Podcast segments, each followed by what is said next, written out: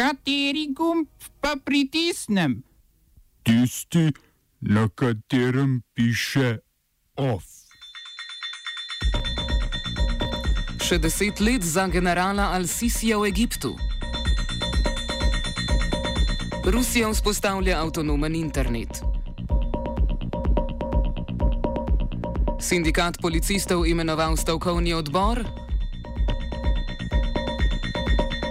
Neuradno Čehi vstopajo v slovenske železnice.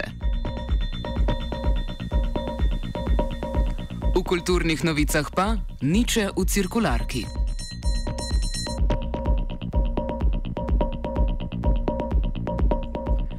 Egiptovski parlament je potrdil spremembe ustave, ki bi trenutnemu predsedniku Abdelu Fatahu al-Sisiju omogočile vladavino do leta 2030. Spremembe podaljšujejo dolžino predsedniškega mandata z 4 na 6 let in sicer za največ dva zaporedna mandata. Za Sisija pa velja še izjema, ki mu dovoljuje, da leta 2024 kandidira še tretjič. Poleg dolžine mandata ustavne spremembe uvajajo tudi žensko kvoto za najmanj eno četrtino poslank v spodnjem domu parlamenta in razglašajo vojsko za branika egiptovske države.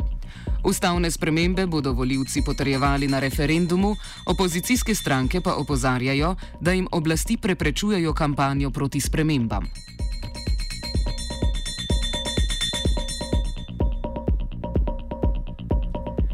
Vodja Alžirskega ustavnega sveta, ki je zadolžen za organizacijo volitev po odstopu dolgoletnega predsednika Abdulaziza Buteflike, je odstopil.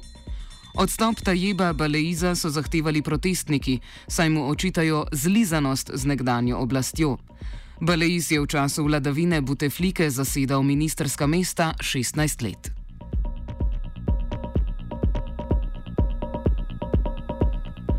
Ameriška vlada bo omogočila tožbe proti podjetjem, ki služijo na račun nacionaliziranega premoženja na Kubi. Zakon iz leta 1996 take tožbe omogoča, a so do sedaj vsi predsedniki suspendirali njegovo izvajanje v strahu pred zaostrovanjem odnosov z zavezniki. Največji trgovinski partner Kube so namreč države Evropske unije, katere podjetja bi bila tako izpostavljena tožbam. Poleg tožb pa predstavnikom podjetij, ki služijo na račun zaseženega premoženja, grozi tudi prepoved vstopa v ZDA. Kuba je sicer ponudila reparacije nekdanjim lastnikom zaseženega premoženja pod pogojem, da ZDA poplačajo škodo zaradi skoraj 50 let trajajočega embarga.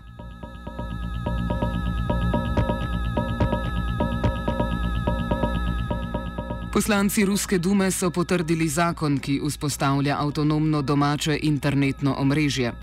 Zakon stremi k vzpostavitvi potrebne infrastrukture, ki bi do prihodnjega leta omogočila pretok 95 odstotkov domačega internetnega prometa po internem omrežju.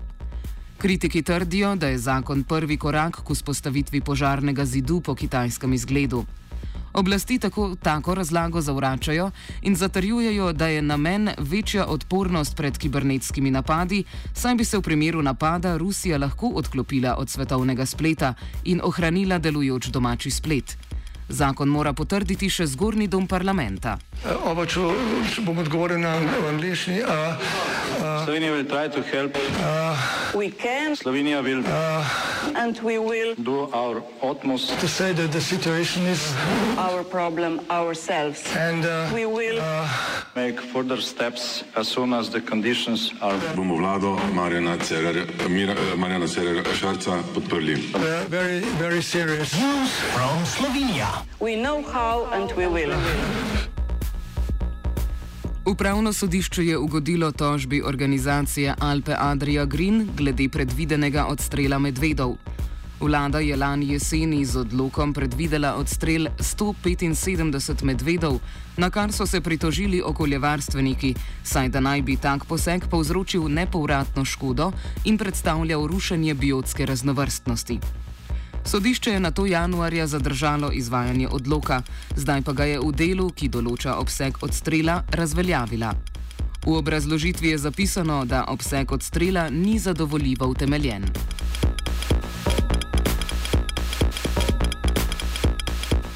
Zveza društev upokojencev Slovenije bo prihodnji mesec odločala o izključitvi Mestne zveze upokojencev Ljubljana.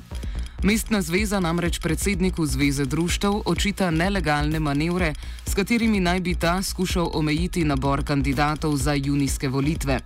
Sporno naj bi bilo predvsem določilo o minimalni izobrazbi za visoke funkcionarje, ki naj bi bilo pisano na kožo trenutnemu predsedniku zveze Janezu Sušniku. Vsebino spora oriše predsednik mestne zveze Marjan Sedmak. Vsebina, vsebina je seveda vprašanje, kako organizira delo nevladne organizacije, kot je Zveza društv upokojencev Slovenije, na način, ki bo usklajen z zakonom o društvih.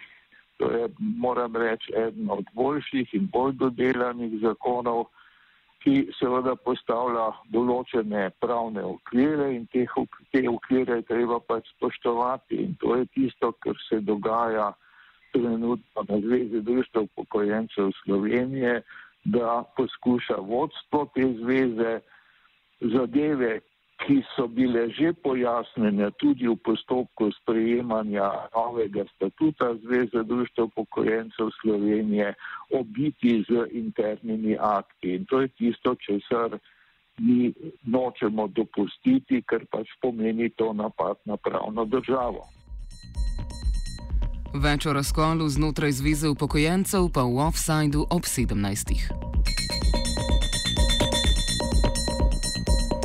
Sindikat policistov Slovenije je imenoval stavkovni odbor.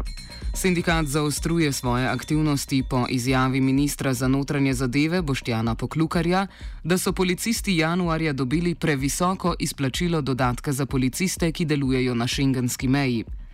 Ministrstvo trdi, da morajo dogovorjena dodatna sredstva pokriti tudi stroške delodajalca, sindikati pa menijo, da so za to potrebna še dodatna sredstva.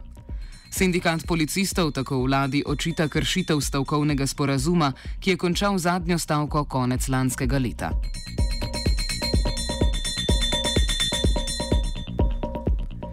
Po poročanju časopisa Dnevnik naj bi podružnico slovenskih železnic, družbo SŽ Tovorni promet, dokapitalizirala češka družba EP Holding. Po izteku roka naj bi zavezujočo ponudbo za 49 odstotni lastniški delež slovenskih železnic tovorni promet oddal zgolj EP Holding. EP Holding je sicer energetsko podjetje, ki posel gradi na odkupih termoelektrarn po Evropi, ki jih energetske družbe v sklopu prehoda na obnovljive vire izločajo iz svojih portfeljev. Njegov venčinski lastnik Daniel Kretinski, četrti najbogatejši Čeh, pa v zadnjem času svoje premoženje diverzificira med drugim v trgovino in medije. Po poročanju portala Siol je v več poslih sodeloval s kitajskimi vlagatelji, zato portal špekulira, da je njegov morebitni vstop v slovenske železnice lahko povezan tudi s kitajskimi interesi.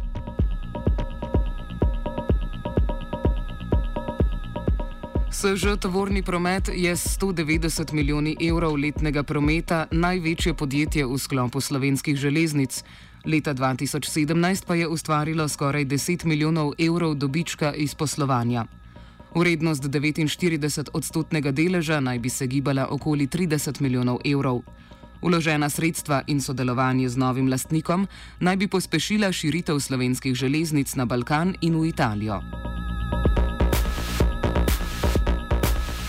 OF je pripravil Twitter, sledijo kulturne novice.